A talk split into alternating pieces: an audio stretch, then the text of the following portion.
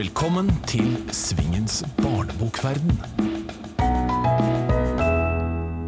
Velkommen til Svingens barnebokverden, som denne gang har forfatter Thomas Inger og forfatter Helene Guåker som gjester. Denne gangen er ikke forfatterne samtidig i studio, så det blir ingen fellessamtale på midten. Men det blir inngående samtaler med begge to, og aller først med deg, Thomas. Velkommen. Tusen takk. Var du opptatt av bøker som barn? Ikke veldig. Det, jeg hadde foreldre som prøvde å prakke på meg all verdens litteratur. Eh, men det, det, beit ikke så veldig godt på meg, husker jeg. Det tok litt tid før jeg knakk lesekoden. Eh, men det var med Sølvpilen eller et eller annet sånt nå, mener jeg husker. Tegneserier. Det var, var, var det som var inngangen eh, min. Men min, min, sånn genuine interesse for litteratur, den tror jeg ikke ble vekket før jeg var sånn 14-15, kanskje. Jeg oppdaget eh, krimlitteratur, først og fremst. Det var jo Faren min er lærer, så han, han ville jo alltid at jeg skulle lese liksom Steinbeck og Oskar Bråten og sånne ting. Det hadde ikke jeg så veldig lyst til. Men da jeg oppdaga krimbøkene, så oppdaget jeg også litteraturen for, for alvor.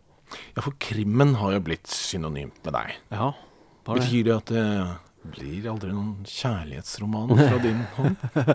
det, du skal aldri si aldri. Jeg har i hvert fall bestemt meg for at jeg aldri skal skrive dikt, for det tror jeg ikke jeg har, har i meg, rett og slett. Eh, men jeg tror at det er jo eh, I noen av krimbøkene mine så er det jo Det er jo kjærlighetshistorier også inn i det hele. Det, man tar jo gjerne opp de store spørsmålene når man skriver krim, krim som går på liv og død og alt det der. Så, men en ren romansroman, tja, det er vel heller tvilende.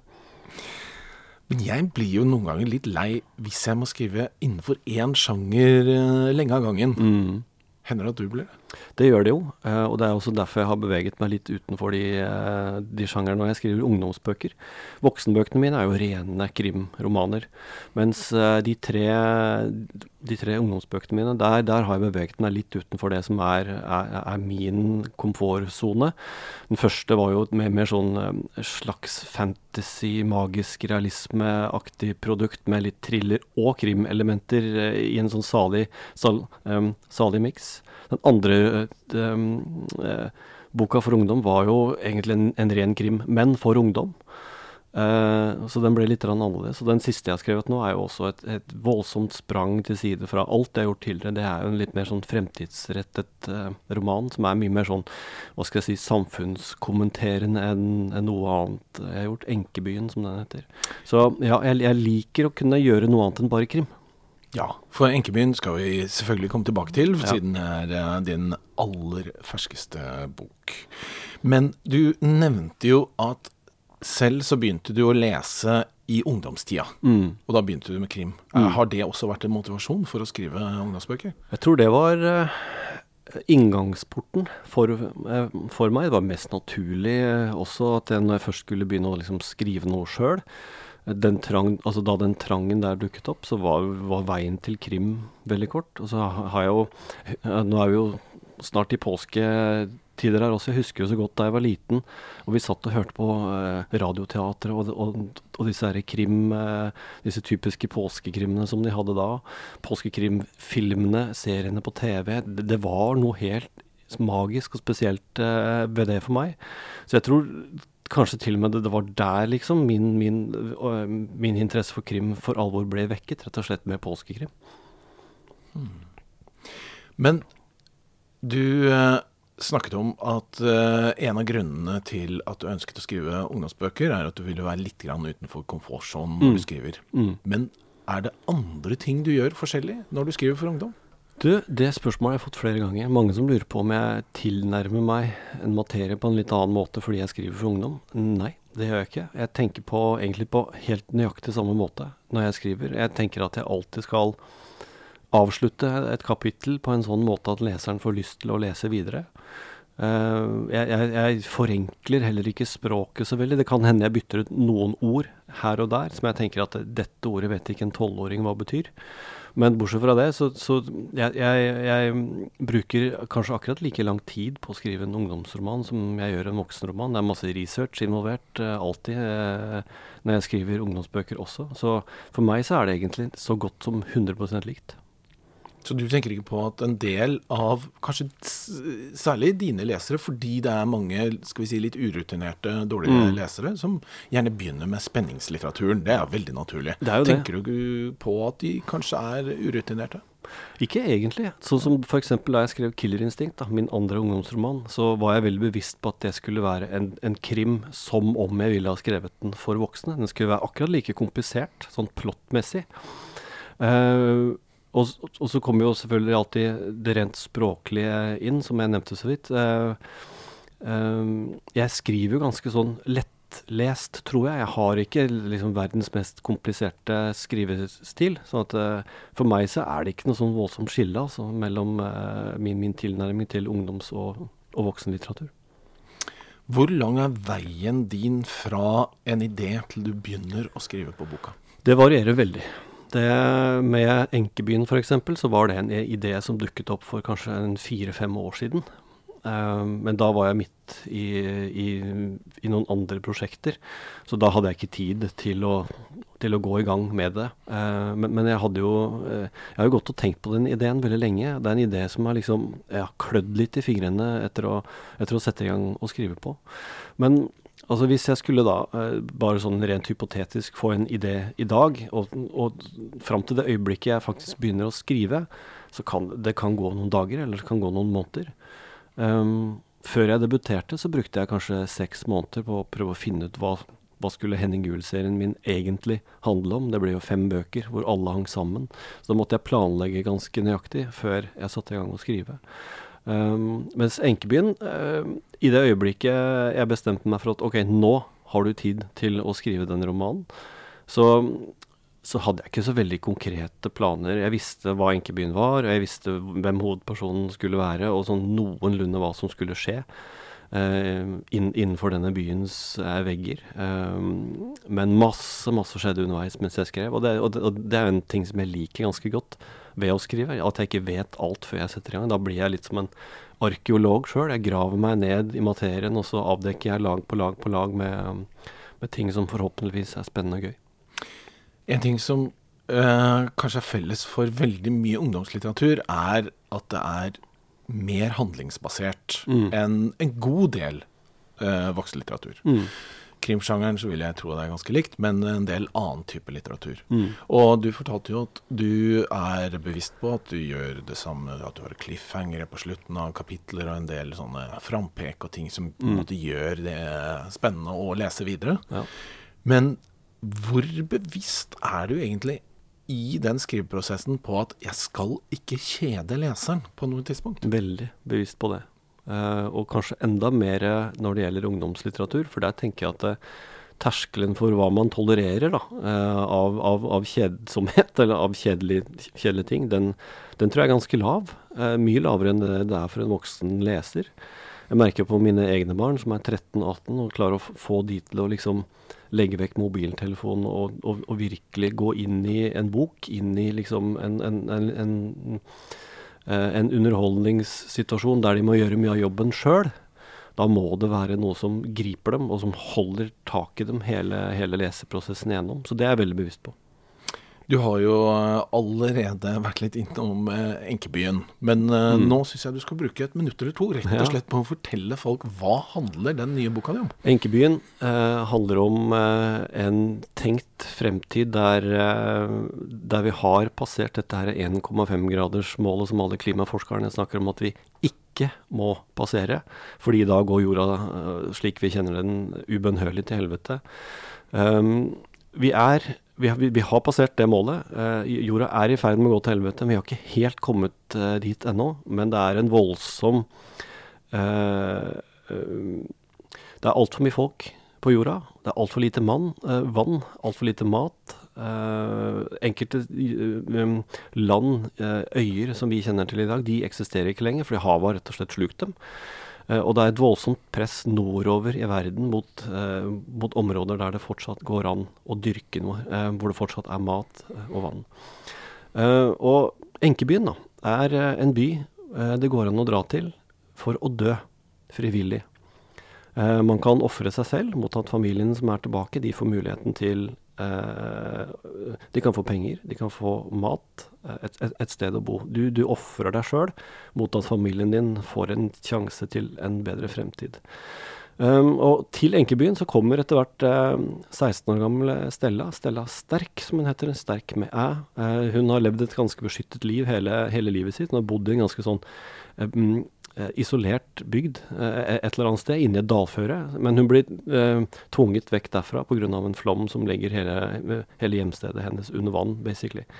Så hun, hun, hun flykter, må flykte, og hun kommer til enkebyen sammen med faren sin. og det er da først eh, problemene egentlig virkelig begynner for henne. For hun, har, hun, hun, kan ikke så mye om verden, men da plutselig så blir hun konfrontert med virkeligheten slik den er da i dette eh, tenkte fremtidige universet. For utenfor Enkebyen så er det en flyktningleir av gigantiske proporsjoner. Alle har lyst til å komme inn, inn, inn i Enkebyen, men inn i Enkebyen kommer bare de som kan bidra med noe til, eh, til samfunnet. Så det er ikke så lett eh, for, for, Stella og, og, familien henne, men hun må på en måte lære seg en måte å overleve på, kort og godt. Og det blir ekstra vanskelig fordi, er, um, fordi hun er jente.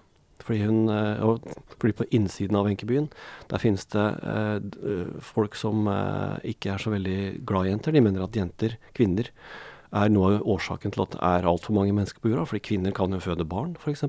Um, så det er en del jenter som forsvinner som eh, dukker opp etter hvert, døde, drept. Av, så for Stella så blir det altså en, en intens kamp om å overleve. Nå har jo du hadde et veldig fint uh, nesten resymé av, uh, av, handlingen her. Mm. Jeg, liker du litt å, å, på en måte gjenfortelle handlingen for deg selv, sånn at du på en måte vet hva en bok handler om? For jeg ofte sliter jeg, med ja. å på en måte gjenfortelle bøkene mine, men ja. jeg syns du var veldig bevisst på at dette er det den handler om. Ja, jeg har jo gjort dette her noen ganger med Enkebyen, men det, det, det, det tar ofte litt tid. Jeg er helt enig med deg, det er kjempevanskelig å på en måte destillere handlingen i en bok helt ned til noen få enkle setninger. Uh, men, men, men, ja, um, som sagt så har jeg, har jeg, gjort det noen ganger. Jeg gjorde det senest i går kveld på, en på, en, uh, på et bokevent. Så, så, jeg har jo blitt litt vant til det. Jeg kan jo boka ut og inn. Og jeg, jeg vet, vet, jo nå ja, hvordan jeg best skal presentere handlingen, egentlig. Da. Lever disse bøkene et uh, veldig annerledes parallelt liv enn uh, voksenbøkene dine? Og da tenker jeg på at voksenbøkene dine har jo uh, gått veldig bra. De blir mm. mye anmeldt, de er oversatt til masse språk. Mens uh, dette er jo da ungdomsbøker som generelt uh, får mindre oppmerksomhet. Merker du på en måte at dette er to verdener, eller uh, går de litt over i hverandre? Det går Det er litt forskjellige ting. Det er det jeg merker jo nå når jeg har kommet med en ny ungdomsbok. Det har gått veldig bra med de to første. Jeg har vunnet U-prisen med begge to. Um, Kommer du til å vinne igjen i år, eller? nei, jeg, jeg, får ikke vunnet i år. nei, jeg, men det blir for årets bøker i så fall. Ja, mm. ja. Eh, nei, det vet man jo aldri, selvfølgelig. Eh, det er jo lov å, lov å håpe og alt det der. Men, men, jeg hadde kanskje trodd da, at det skulle være litt mer eh, Altså fra anmelderkorpset, at det skulle være litt mer nysgjerrighet rundt OK, hva har han funnet på denne gangen? Det har gått bra de to første gangene. OK, la oss se hva hva han har gjort denne gangen. Så langt så er det vel bare to anmeldelser, tror jeg, eh, som jeg har fått med meg. Um, og det er, det, er, det er, klart, man er jo ikke prisgitt å få anmeldelser selv om man skriver voksenbøker heller. Um, så, så, men, men, det er litt sånn det er blitt, da. Det er ekstremt vanskelig å Altså, avisen satser jo ikke så mye på, på, på, å anmelde bøker, og enda mindre egentlig på ungdomsbøker. Så det å liksom uh, klare å, å, å, bli anmeldt, det, det, er vanskelig. Jeg har fått mye oppmerksomhet ellers. Det har vært mange aviser som har skrevet om, om denne boken. Vært på TV og litt sånt nå, så det er jo, det er jo ikke jeg vant til. Så, så at, eh, men um, jeg opplever at, eh, at, at, det er en del interesse fra mange lesere der ute på hva jeg har funnet på denne gangen, med tanke på ungdoms, ungdomsbøkene mine. Ja, for de to eh, forrige har jo gått veldig bra. og Det er mange ja. uh, ungdommer som uh, utvilsomt har likt dem. Men hvor bevisste er de på hvem som faktisk har skrevet dem, har du inntrykk av? Jeg aner ikke. Jeg, jeg tror ikke de er så veldig bevisste det, egentlig. Det jeg tror jeg nesten du jeg kanskje er bedre til å svare på enn meg. Du, du, har vært mye mer på Her er det jeg mer, som stiller spørsmål. Ja, men du har vært mer på skolebesøk enn jeg har. Eh, så ja, jeg Jeg vet ikke. jeg tror ikke, altså Hvis jeg skal snakke for mine, mine barn, da, når jeg ser, så er ikke de noe sånn Ok, nå er, det kommet en ny bok av, av Arne Svingen, nå må jeg skynde meg i bokhandelen. De er ikke der i det hele tatt. Det er mer den enkeltboka, den historien i så fall, som de, de, får lyst til å lese. Jeg tror ikke de kan navnet på så, så veldig mange forfattere heller, egentlig. Så hvis, hvis, omslaget ser kult ut, øh, og, og, hvis boken har en kul tittel, så tror jeg kanskje det er liksom noe som drar de mer inn enn en, en, hvem forfatteren nødvendigvis er. Da. Men Thomas, du tok altså en utdannelse innenfor idrett. Ja. Når var det du skjønte at du heller skulle skrive skjønnlitteratur? At jeg ikke skulle bli gymlærer? Nei, det, eh, jeg gjorde det i 1995-96. Da, da gikk jeg på, um, på idrettshøyskolen. Jeg det var mest et sånn år, eh, år jeg tok for å gjøre noe som jeg syntes var gøy. Jeg har alltid vært sportsinteressert, spilt fotball i alle år, spilt håndball, tennis, golf. Jeg har liksom vært, vært aktiv hele mitt liv. Um, og så slang jeg nå bare inn en søknad på, på, um, på, på idrettshøyskolen. Det var ingen sånn bevisst tanke om at jeg skulle liksom bruke det til noe. Men uh, hele den perioden mens jeg gikk der, og mens jeg har studert senere, så har jeg holdt på å skrevet ved siden av. Altså mine egne historier. Jeg har jo min første fryktelig dårlig roman, uh, forsøk på roman, skrev jeg da jeg var, jeg var 20, tror jeg. Um, så ja, uh, den derre trangen til å skrive, den har, den har, vært med meg helt siden tenårene. og man kan jo ikke bare si at man skal inn, gå inn på en forfatterskole, og så kommer man ut i etterkant med, eh, med en bokkontrakt. Sånn, sånn, fungerer det jo ikke. Eh, så jeg bestemte meg jo da for å, for å gjøre, noe annet hvor jeg kunne få lov til å skrive, nemlig journalistikken. Så um, det var et sånn eh, naturlig første skritt for meg egentlig, da, for å kunne holde på med det jeg har mest lyst til å gjøre. Men har du fått bruk for uh, idrettsutdannelsen i bøkene dine? Overhodet ikke.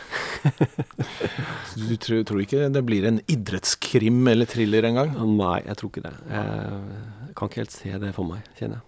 Men du, du fortalte altså, du, du driver og spiller golf. Hvor mange ja. forfattere møter du på golfbanen?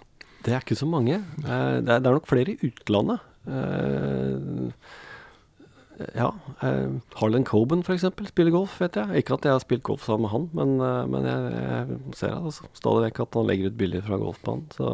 Jeg kjenner bare til at Alice Cooper spiller veldig mye golf. Ja, han eh. skriver ikke så mange bøker. Nei, han gjør ikke det, men han er jo Jeg, vi har um, Du har fått et uh, spørsmål fra Helene Guåker. Ja, nå er jeg spent. Hva er ditt største litterære kvinnelige forbilde? Mitt største litter... Oi, ja.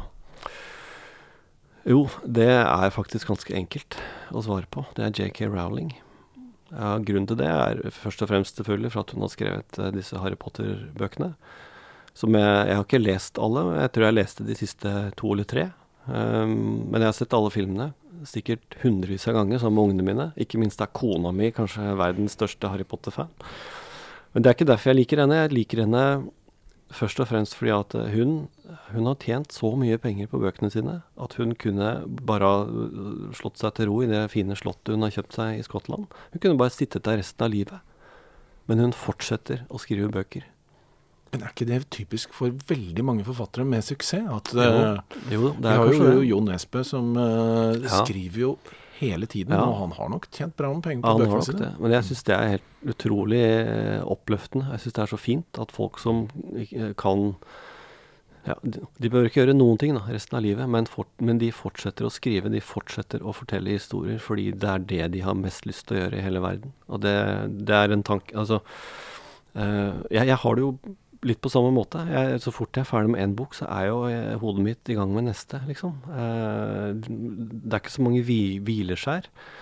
Eh, og det er fordi jeg har en brennende fortellertrang. Jeg har så mye historier jeg har lyst til å fortelle. Så det er bare Akkurat nå så er det litt mer sånn tidsproblem, egentlig. Jeg, jeg, jeg vet ikke når jeg skal få tid til å skrive alle de bøkene jeg har lyst til å skrive. Så du er helt sikker på at det ikke hadde blitt mer golf hvis du hadde fått den supersuksessen? Hadde nok kanskje blitt en runde ekstra, muligens, eller to. Men det, jeg, altså jeg spiller jo ikke så mye golf nå, det gjør jeg ikke. De siste tre-fire årene så har det blitt med en runde eller to i året, maks.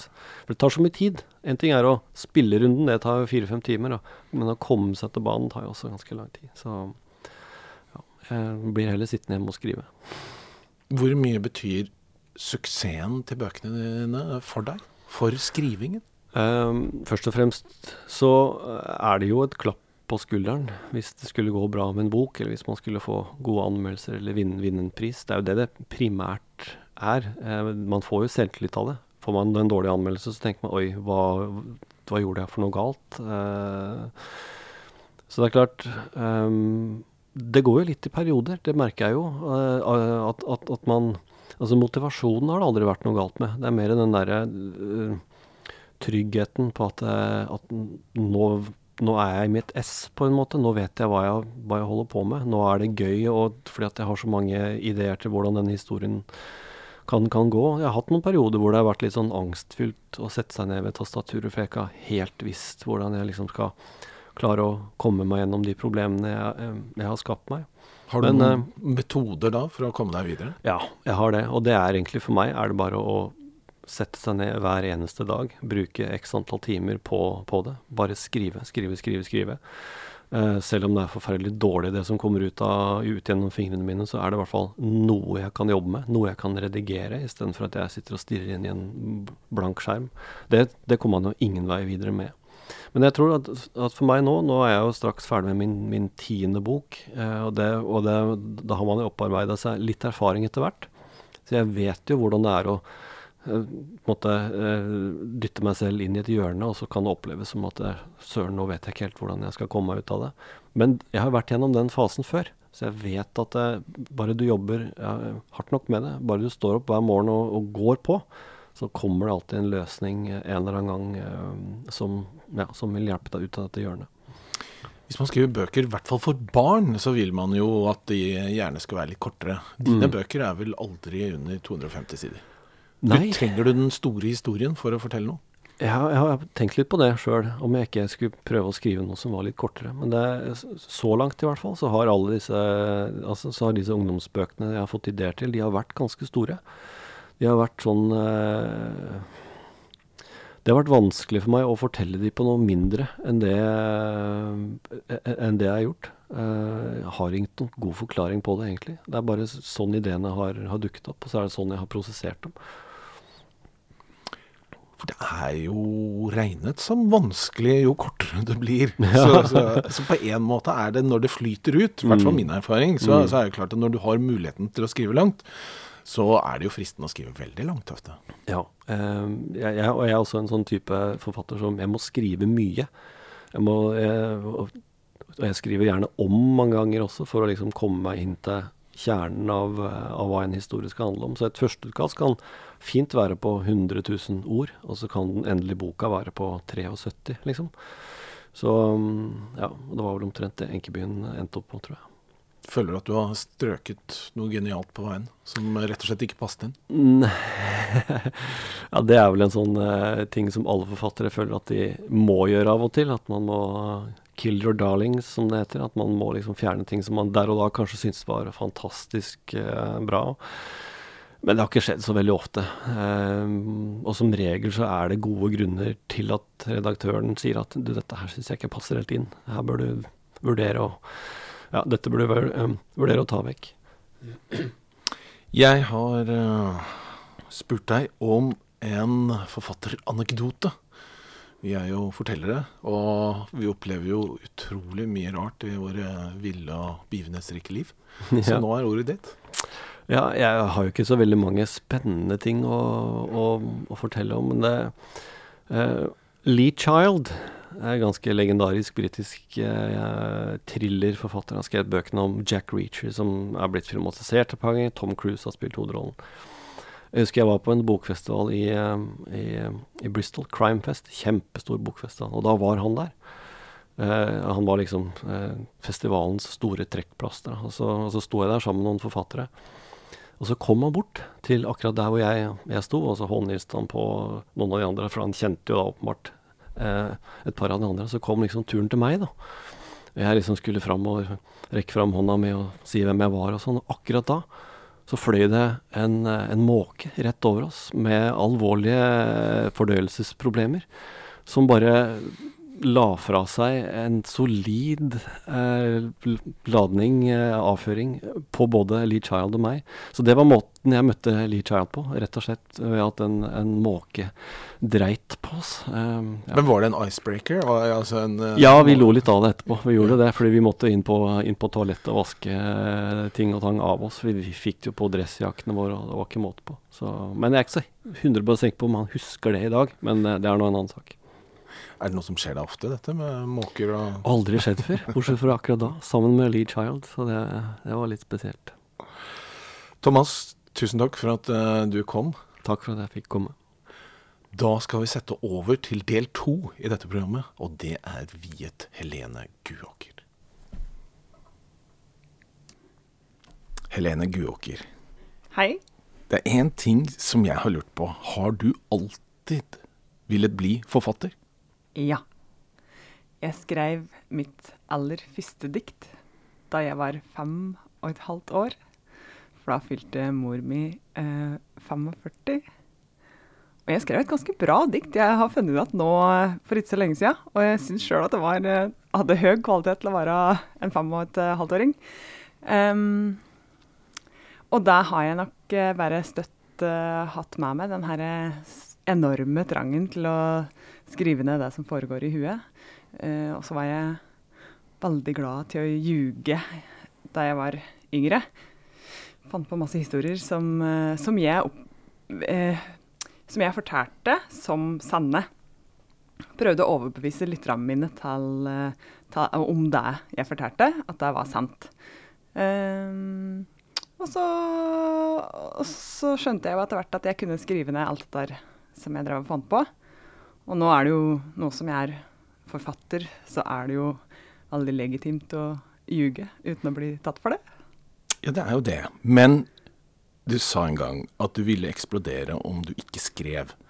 Hva ville skjedd hvis ingen ville utgi det du skrev? Ville du fortsatt skrevet? Det har jo skjedd, og skjer stadig vekk, at jeg blir refusert. ja. um, det er jo noe dritt.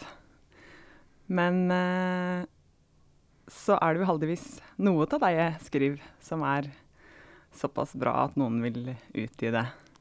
Um, hvis jeg bare hadde fortsatt å bli refusert og refusert og refusert, og hadde skjedd da um, Det kan jeg jo ikke svare på. Men uh, jeg, jeg Kanskje jeg hadde undertrykt dette her som foregår i huet mitt. da. Jeg får jo ideer til altså, romaner og dikt og uh, sangtekster og scenetekster og, og filmideer og sånn hele tida. Det pågår konstant i huet mitt. En sånn idéstrøm. Jeg er ikke noe Jeg er ikke redd for uh, skrivesperre, som jeg for øvrig syns er et såpass negativt lada ord at det, det, ikke skal eksistere i, i mitt vokabular. Nå er det jo heldigvis sånn at noen utgir deg jeg skriver. Ja, for du hadde ingen plan B? Nei. Nei. Du debuterte med uh, voksenlitteratur, akkurat som meg. Uh, du debuterte uh, med Kjør i 2010, men fra 2015 så har det kommet bøker for ungdom. Mm. Hvorfor ble det ungdomsbøker på deg? Um, jeg hadde Jeg kjente at jeg trengte flere bein å stå på, for det, det var ikke nok bare det å skrive voksenlitteratur. Eh, det var ikke nok penger å tjene, rett og slett. Og jeg visste at jeg bare skulle sitte og skrive og ikke gjøre noen ting annet. Altså, reiser rundt på skoler og sånn, og det, for jeg føler at det er en slags eh, hobby å drive med Den kulturelle skolesekken, som jeg da tjener litt grann, eh, lommepenger på. Mm, men det er jo forfatterjobben som er min eh, faste 100% pluss pluss jobb. Og da at jeg kjente på det behovet for å være 100% forfatter, var jo liksom jeg, jeg, jeg, kjente at jeg trengte å kunne søke stipendi fra flere komiteer enn bare voksenbokkomiteen. Og så hadde jeg lenge hatt en slags drøm om Ikke en slags, men en ekte drøm om å skrive for ungdom. Men jeg hadde ikke klart å knekke koden. Og så søkte jeg meg inn på forfatterstudiet på Norsk barnebokinstitutt. Og så kom jeg inn der. Og i løpet av en måned så hadde jeg, hadde jeg, klart å knekke den koden som jeg behøvde for å klare å, å skrive for ungdom. Og det har jo vært Det har vært veldig fint. Jeg, har, eh, jeg føler at jeg har kommet veldig mye tettere på ungdom etter at jeg sjøl begynte å skrive for dem. Og har lært uh, veldig mye. Og uh, syns jo at det er uh, kjempeinspirerende. De er jo framtida, og de, syns de er dritkule og morsomme. Og ja, jeg kan ikke si noe annet enn at jeg digger ungdommer. Dagens ungdom, for å si det sånn. De er bare så inspirerende og artig å treffe. Så det er jo mye av motivasjonen for å skrive for dem. Og så har jeg jo i tillegg hatt et slags mission om å eh, treffe eh, folk som ikke leser så veldig mye fra før. Ja, for vil du si at det er på en måte en rød tråd i forfatterskapet ditt? Definitivt. Mm. Du har f.eks. skrevet eh, fra rånermiljøet. Yes. Kan du komme på mange andre bøker som er fra rånermiljøet? Ikke så mange. Jeg har eh, Kyrre Andreassen har skrevet en novellesamling eh, som heter 'Det er her du har vennene dine'. Og den eh, er jo fra et sånn bygdebilmiljø, men det er ikke så hardbarka. Så har vi ha, han Tiger Gaité, han skrev uh, burn, 'Burnout'. Mm -hmm. Lurer på om det var det han het. Som er litt samme greia, men ikke så uh, Så jeg, i kjør så går jeg jo veldig sånn uh, teknisk inn i det, med, med veldig mye sp mm, språkbruk og slik som er gjenkjennelig for de virkelig ekte råneungdommer. Og jeg kjente jo på det behovet, da. Eller det begynte jo selvsagt med at jeg gikk på forfatterstudiet i Bø og hadde Eldrid Lunden som min mentor, og hun sa skriv om noe de kjenner til, skriv om noe de kan. Og da eh, kjente jeg jo at det eneste jeg egentlig virkelig kunne om, var det her rånemiljøet, for da har jeg vokst opp i. Og da ble det det. Eh, så, så kjente jeg jo da at det var, var um, Jeg har jo blitt frelst til litteratur ganske tidlig i ung alder. Mor mi leser uh, på senga for meg og søstrene mine da vi var små. Og så har jeg kjent at jeg har jo lyst til å få andre til å bli like frelst som meg. Og det er jo en større utfordring å frelse noen som altså, overhodet ikke er interessert i å lese bøker, enn å bare fortsette å frelse dem som alltid er frelst. Men i det rånemiljøet som du vokste opp, var det noen andre som leste noe særlig bøker der? Mm, nei, det var ikke det. Nei. nei. I den ungdomsromanen som heter 'Sveiseblink', så har du uh, gjort den på bakgrunn av et slags samarbeid med elever. Kan du mm. fortelle litt om det? Jeg blir invitert rundt i veldig mange på yrkesfag på videregående pga. debutboka 'Kjør'. Eleva der er nødt til å være innom eller annet, en eller annen form for litteratur. Og det er ikke så veldig mange bøker for denne målgruppa, spesielt altså eh, Mekken, som jeg nå heter Teknikk og industriell produksjon, og bygg og eh, ja, de mer håndverksmessige faga. Der, eh, der er det, det er, det er, veldig få bøker som er interessante for dem å lese. Og så er det eh, Ja, det er vel kanskje stort sett bare kjør, da, som blir, eh, som, blir, som treffer helt spot on for enkelte av elevgruppen. Og så er det noen lærere da, som syns det hadde vært artig med besøk av eh, forfatteren sjøl. Og da når jeg blir invitert til yrkesfag, så sier jeg ja, sjølsagt. Og så har jeg da gjennom flere år tenkt at herregud, de skulle jo hatt ei bok til å velge mellom. og så har jeg da uh, fabulert om å skrive ei ny rånebok. Men jeg har altså, virkelig ikke visst åssen jeg skulle gjøre det. Og det var bare Det lå der, sånn langt framme, egentlig. Og så ble jeg invitert til Lena videregående skole i 2015. Og der traff jeg en så engasjert lærer. Og med engasjerte lærere så blir det òg engasjerte elever. Og de hadde hatt høytlesning til kjør. Og det som Altså dette her var et veldig stort uh, møte for meg. For at uh, læreren kunne fortelle at uh, hvis en stoppa opp midt i en setning, så kunne elevene fullføre. Så det var, altså det, de, det var rett inn i deres liv. Og det, jo også, det, var, det, føltes jo veldig spesielt for meg som er dame og har skrevet om ei dame i hovedrollen i Kjør, som kjører en, eh, en barsk muskelbil, da, og som går på Mekken. Og så treffer dette her For det er jo stort sett gutter som er i de her eh, klassen. Og så treffer det dem. Og jeg var jo så rørt og forelska og helt sånn jeg var, jeg var, så glad da jeg reiste derifra. Men jeg tenkte dette her kan ikke være siste gangen jeg treffer disse elevene. Og så um, drev jeg nå på, da. Kjørte hjem igjen langs Mjøsa. Og så var jeg Ja, så var jeg liksom i kontakt med den tanken om at jeg skulle ha skrevet en ny rånebok.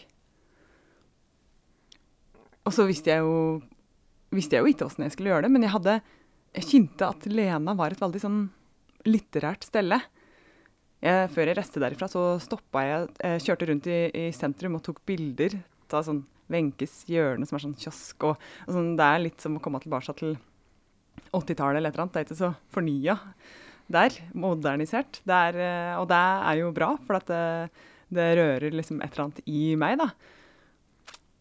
Og så Dette her er litt sånn en, Det er en veldig lang historie med mange sånn uh, um, nærmest digresjoner. For jeg, jeg, får ikke fortalt hele historien uten å fortelle og det som hadde skjedd på forhånd. For at elever drev samtidig som de drev og les uh, kjør, så drev de og øvde seg på å skrive formelle brev. Da jeg ble invitert, så fikk jeg et formelt brev og da hadde de, altså alle hadde skrevet et formelt brev til meg, og den som skrev det beste brevet, han fikk sende det til meg. Så jeg fikk det her i posten, og så måtte jeg svare formelt. Da måtte jo jeg lære meg åssen jeg skulle skrive et formelt brev, for det hadde ikke jeg gjort på veldig mange år. Så svarte jeg formelt ja takk, jeg vil komme på besøk. Og da jeg hadde vært der på besøk, så fikk jeg et nytt formelt brev fra dem, der de skrev og takka for besøket. Og de syntes det var veldig inspirerende å ha meg der, og de sa at de skulle ønske at jeg kunne komme tilbake. For da skjønte jeg nå har jeg en sjanse her. De kunne tenke seg at jeg kom tilbake. Jeg vil skrive en ny bok. Jeg ringer læreren og spør om de elevene kan hjelpe meg med ideer til ny bok.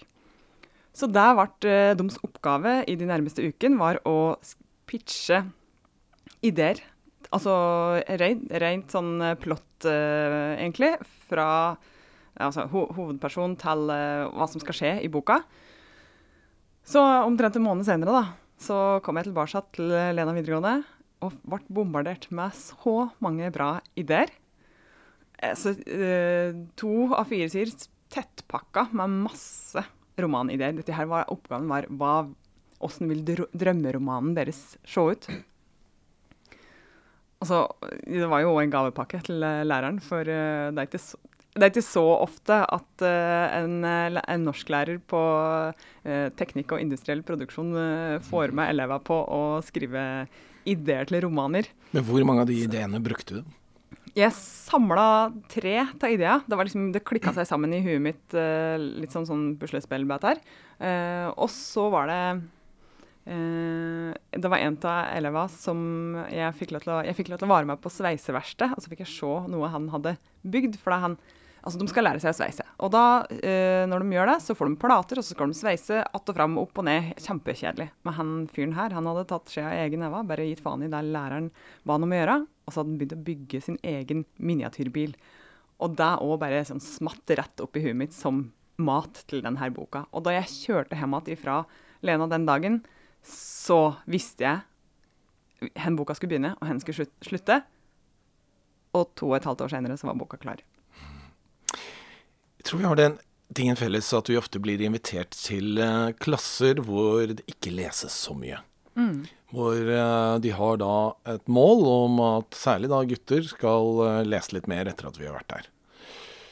min erfaring er jo at ja, så er jeg der, og det er hyggelig og fint, men jeg vet veldig lite om resultatene etterpå. Har du noe særlig kunnskap om dine besøk? Hjelper de? Altså um Spesielt uh, Lena så har jeg hatt nær kontakt med lærere etterpå. I og med at jeg var der to ganger òg. Så uh, de fortalte at de hadde begynt å lese 'Pølsefabrikken', som var min neste voksenbok.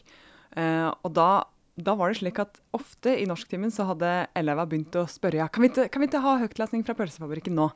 Så de var eh, mye mer gira på litteratur. Jeg vet ikke om de har lest så veldig mye i ettertid. Du har gjort noe så spesielt som dikt for ungdom. Mm. Hva er egentlig dikt for ungdom?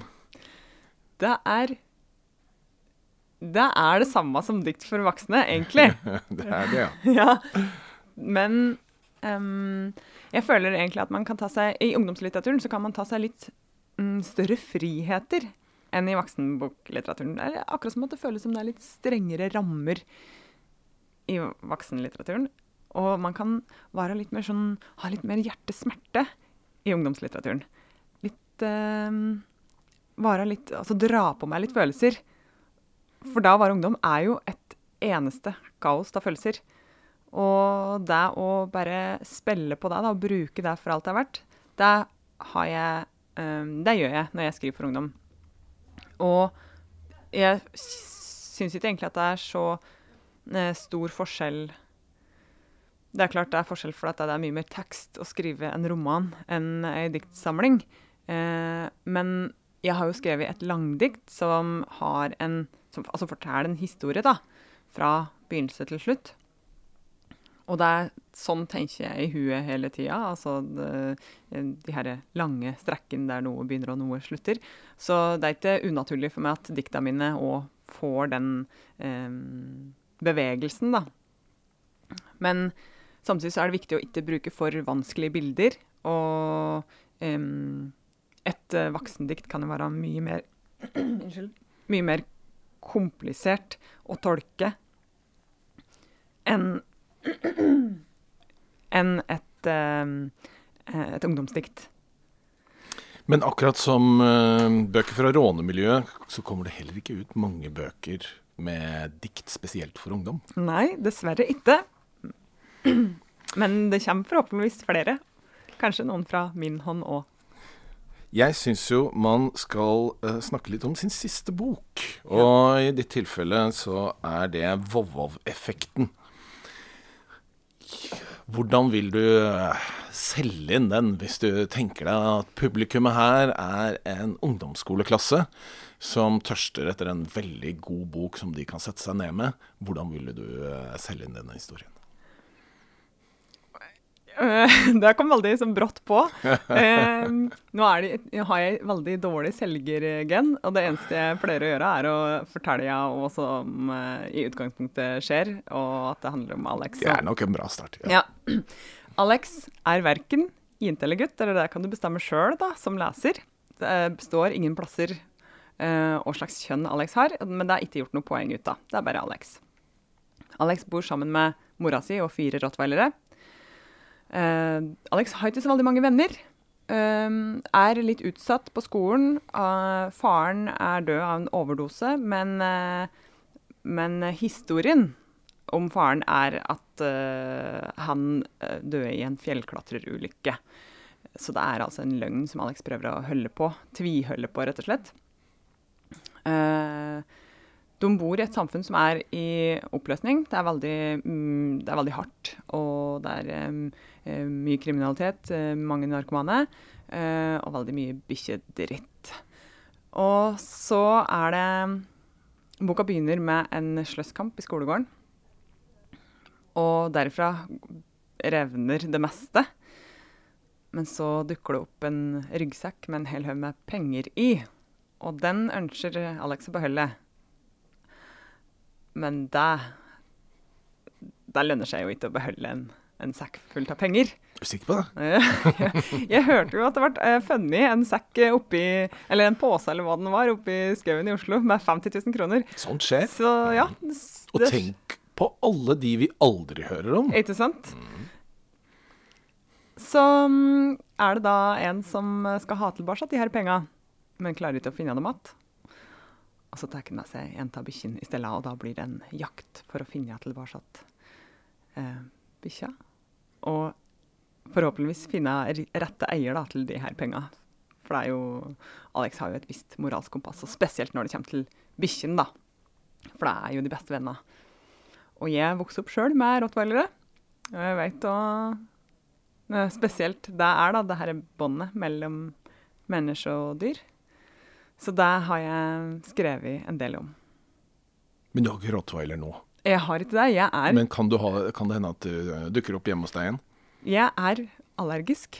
Du har funnet ut det? Ja, Okay. Og det har jeg vært hele livet, så jeg, har- jeg, jeg gikk rundt eh, som lita og var veldig Jeg var ikke spesielt frisk. Nei. For eh, et par episoder siden så hadde vi en forfatter her som har eh, skiftet eh, etternavn underveis i sin forfatterkarriere. Det er det jo ikke så mange av oss andre, det har jo verken du eller jeg gjort. Nei. Jeg skiftet faktisk frisyre en gang i løpet av min forfatterkarriere. Men jeg har ikke sett noen forfatter som har skiftet så ofte frisyre som deg. er, er du på vei inn i en ny eh, fris, eh, frisørfase, frisyrfase nå, eller, hvordan er, eller har du landet? Det er, det er veldig interessant at du sier det, for det var ei som sa til meg Vi var ikke så veldig godt kjent da, eh, og hun sa sånn at hun, ja, hun hadde sett på bilder av meg på Google, da. Ja. Og hun bare Det hun hadde tenkt om meg, var at jeg ikke hadde funnet meg sjøl ennå. Og da ble jeg så lei meg, for jeg tenkte det er jo ikke det det handler om. For, for eh, jeg bare Jeg gjør det som faller meg inn. Og, altså sånn, når jeg har langt hår og blir lei av det, så klipper jeg det helt. Og så eh, det, eh, jeg barberte av meg alt håret. Det var delvis fordi jeg ble så kjempelei av å drive og vaske. Å ha langt hår krever jo så mye innsats. Jeg hadde ikke tid til det. Jeg skulle skrive en hel haug med bøker. Og, og på grunn av det at jeg barberte av meg håret, er jeg sikker på at jeg fikk skrevet uh, ferdig Vovo-effekten. Og det er liksom mm, jeg, jeg bare Herregud, det vokser ut igjen. Det, er ikke så- det er ikke så fryktelig viktig. Må man ha én hårsveis, liksom? Det, det er jo bare hår. Eh, og jeg sparte så mye penger til å barbere av meg håret, da. Og det er jo òg litt av poenget nå. Nå vokser det bare. Klipp meg én gang i året. Sparer kjempemye penger. Dette er jo et godt tips til folk. Hvordan, hvis de vil eh, spare inn i husholdningsbudsjettet, Yes. så er det rett og slett gå til frisøren en gang. Og dessuten, du kan vel bruke en hårklipper til og med? Gjør det selv. Ja, ja. ja. Mm. Det, jeg barberte alt, uh, alltid sjøl. Mm. Dette syns jeg er en god overgang til noe annet jeg har bedt deg om, en forfatteranekdote. ja, den handler ikke om hår. Men den handler om min eh, bok som heter 'Juksemaker'. Som er en ungdomsroman, lettlest. Uh, har fått støtta lesesøkerbok for å tilrettelegge den, slik at eh, den kan passe for folk som leser i motvind. Eh, men den ideen til den boka, den er basert på noe jeg sjøl opplevde på videregående. Jeg gikk ut av ungdomsskolen som en ganske skolelei elev. Og var eh, Jeg var nok ikke spesielt motivert for å begynne på videregående. Og jeg begynte på musikklinja, for da visste jeg at jeg til slutt måtte flytte på hybel. Jeg var veldig lei av å bo sammen med foreldrene mine og på den litt trange Nesbygda. Uh, og musikklinja var såpass langt unna, den lå i Stange, sånn at da var det liksom Med tid og stunder ville det bli hybel. Og så gjorde jeg det ikke noe bra på skolen, sjølsagt. For det, det var eh, Jeg skulle jo sikkert bare gjort noe helt annet. Feila i de fleste fag, kan du si. Det eh, Ja. Men det var jo ett fag som jeg trodde at jeg fiksa, og det var norsken. Og så fikk vi ei novelleoppgave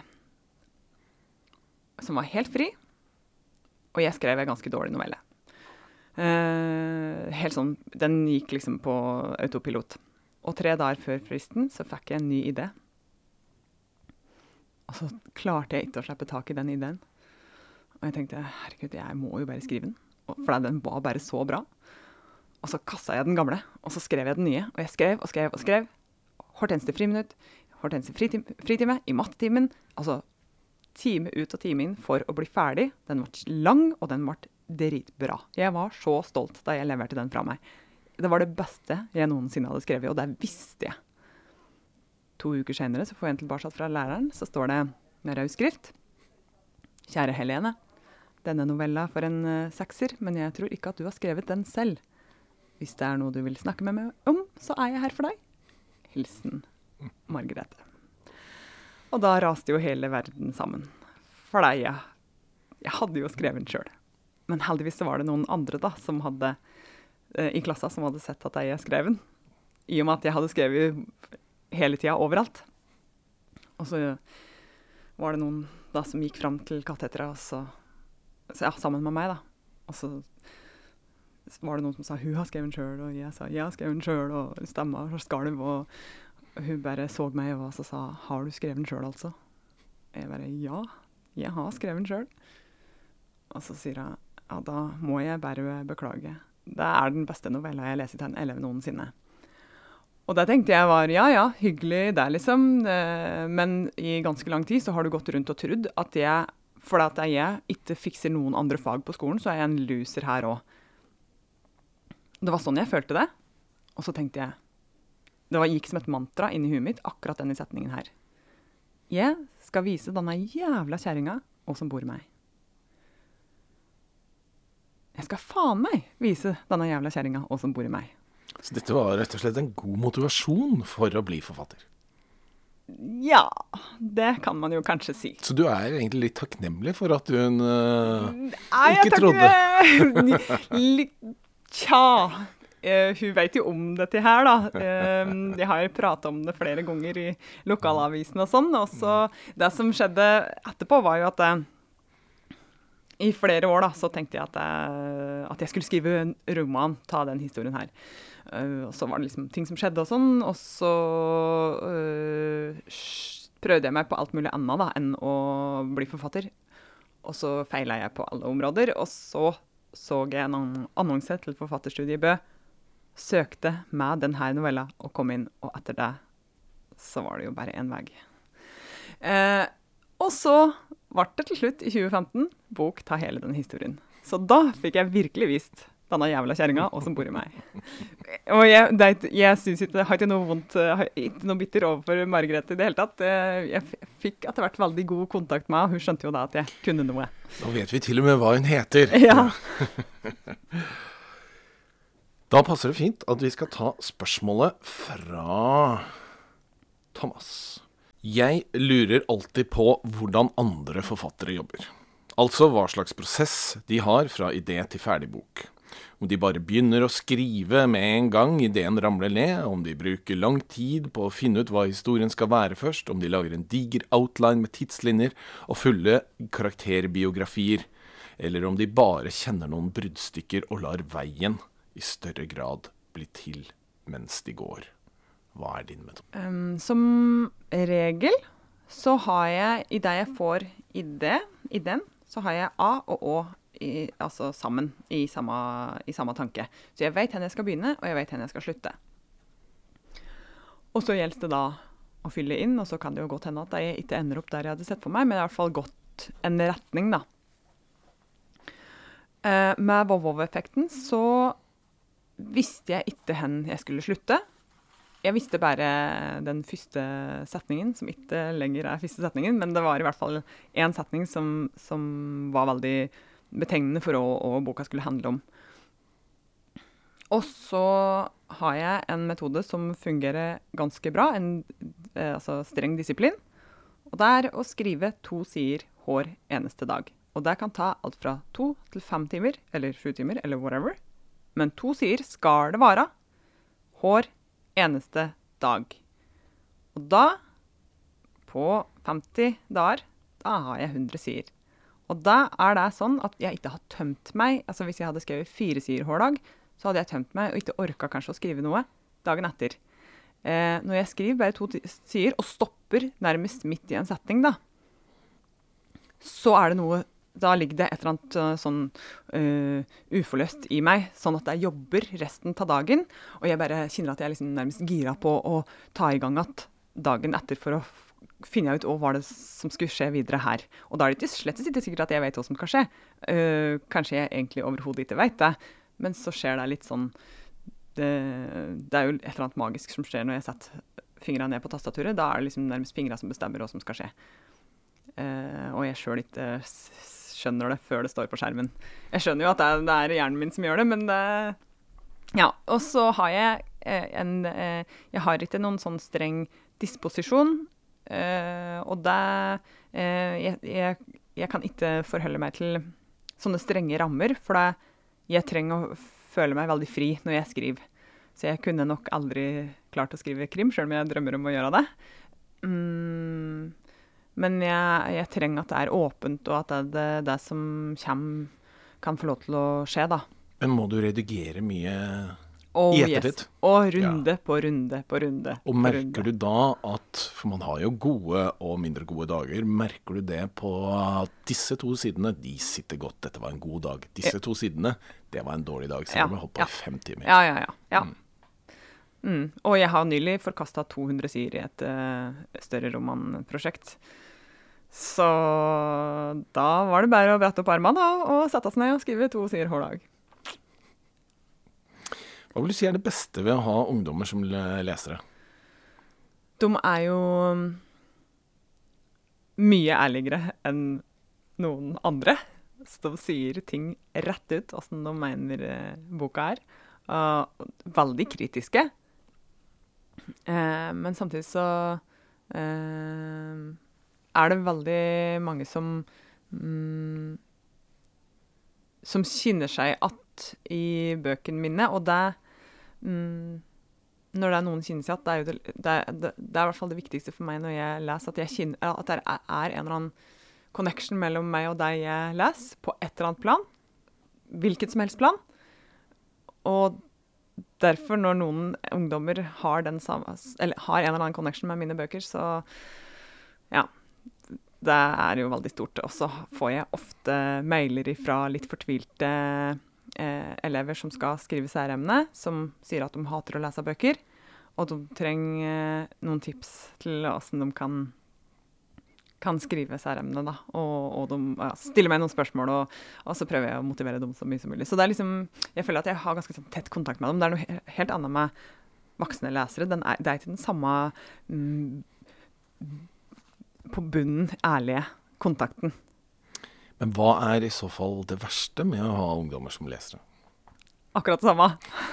At de er så jævlig ærlige. Uh, jeg prøver jo ikke å ta meg nær nært av det. Uh, Sjølsagt. Det kan man jo i grunnen ikke gjøre. Da, eller da vet jeg ikke om jeg hadde orka å skrive Altså, jeg orker ikke å lese sånne anmeldelser på U-prisen og sånn, for det er, uh, det er ganske brutalt. Og da, da blir jeg litt demotivert. Mm. Det skjønner jeg. Fordi én eh, ting er jo at ungdom leser lite, og de er jo, men de som leser, er jo absolutt skarpe lesere. Men i fjor i Norge så kom det ut nesten 40 ungdomsbøker skrevet av norske forfattere. Hva tenker du om det tallet? Er det mange? Er det for mange? Er det for lite? Er det passe? Jeg syns jo at det er vanskelig at eh, de bøkene som blir mest lese og er mest populære, er de her oversette, de som får, som får, den beste hylleplassen i bokhandelen og får den største hypen. Altså, og det er ikke Det er oversatte bøker som kanskje ikke har eh, den kvaliteten som jeg ønsker at uh, ungdommer skal ha, ha tilgjengelig. da. Men jeg, jeg syns generelt at det er ganske høy kvalitet på den norske eh, ungdomslitteraturen som blir gitt ut i, i dag. Så det du implisitt sier, er at uh, både forlag og bokhandlere bør satse mer på den norske ungdomslitteraturen? Hell yeah! Du har hørt på Svingens barnebokverden med Arne Svingen.